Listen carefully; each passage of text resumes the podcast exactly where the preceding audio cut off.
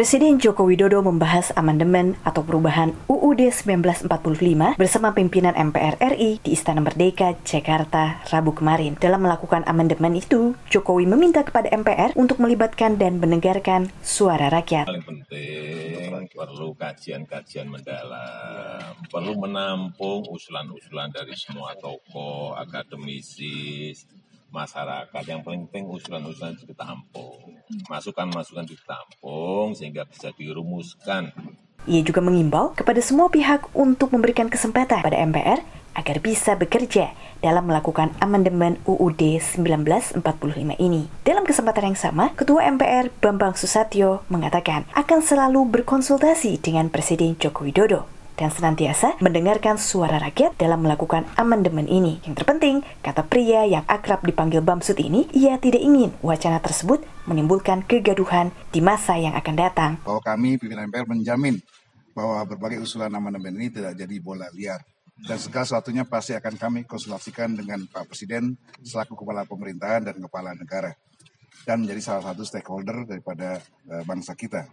Jadi tidak PPR dalam tidak dalam posisi yang tidak uh, buru-buru, kami akan cermat betul menampung seluruh aspirasi bagaimana disampaikan Pak Presiden yang berkembang di tengah tengah masalah. Ia pun buka suara tentang wacana amandemen UUD 1945 yang dikhawatirkan dapat menghidupkan kembali wacana proses pemilihan presiden yang dipilih oleh MPR. Bamsud menegaskan hal tersebut tidak akan terjadi. Dalam amandemen itu, wacana yang menyeruak adalah diterbitkannya garis-garis besar haluan negara atau GBHN. Tidak ada ini tidak terkait dengan perubahan konstitusi yang terkait dengan politik. Presiden tetap dipilih oleh rakyat. Presiden bukan lagi mandat negara. Presiden tidak bertanggung jawab pada MPR itu tetap. Sementara itu kepada VOA, pengamat politik Gun Gun Herianto mengatakan amandemen UUD 1945 tidak terlalu mendesak untuk dilakukan pada masa sekarang ini. Menurutnya, masih banyak persoalan bangsa yang harus diselesaikan oleh pemerintah dan parlemen seperti permasalahan perekonomian. Apalagi banyak negara yang sedang mengalami resesi. Ia pun khawatir pembahasan amandemen ini akan menjadi kotak Pandora di masa yang akan datang karena bisa melakukan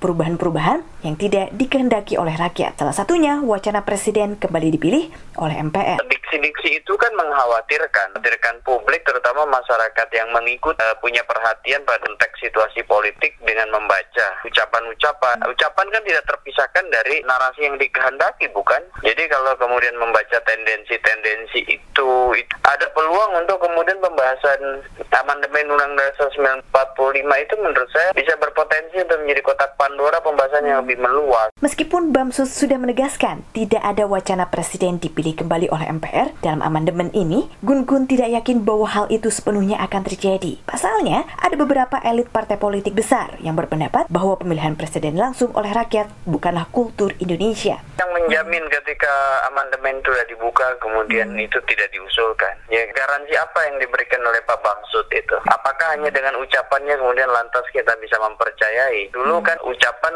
semua bilang tidak akan melemahkan KPK, tapi hmm. realnya kan melemahkan KPK. Hmm. Jadi jangan terlalu mempercayai retorika politik deh di musim hmm. seperti ini. Dari Jakarta, Gita Intan melaporkan untuk VOA Washington.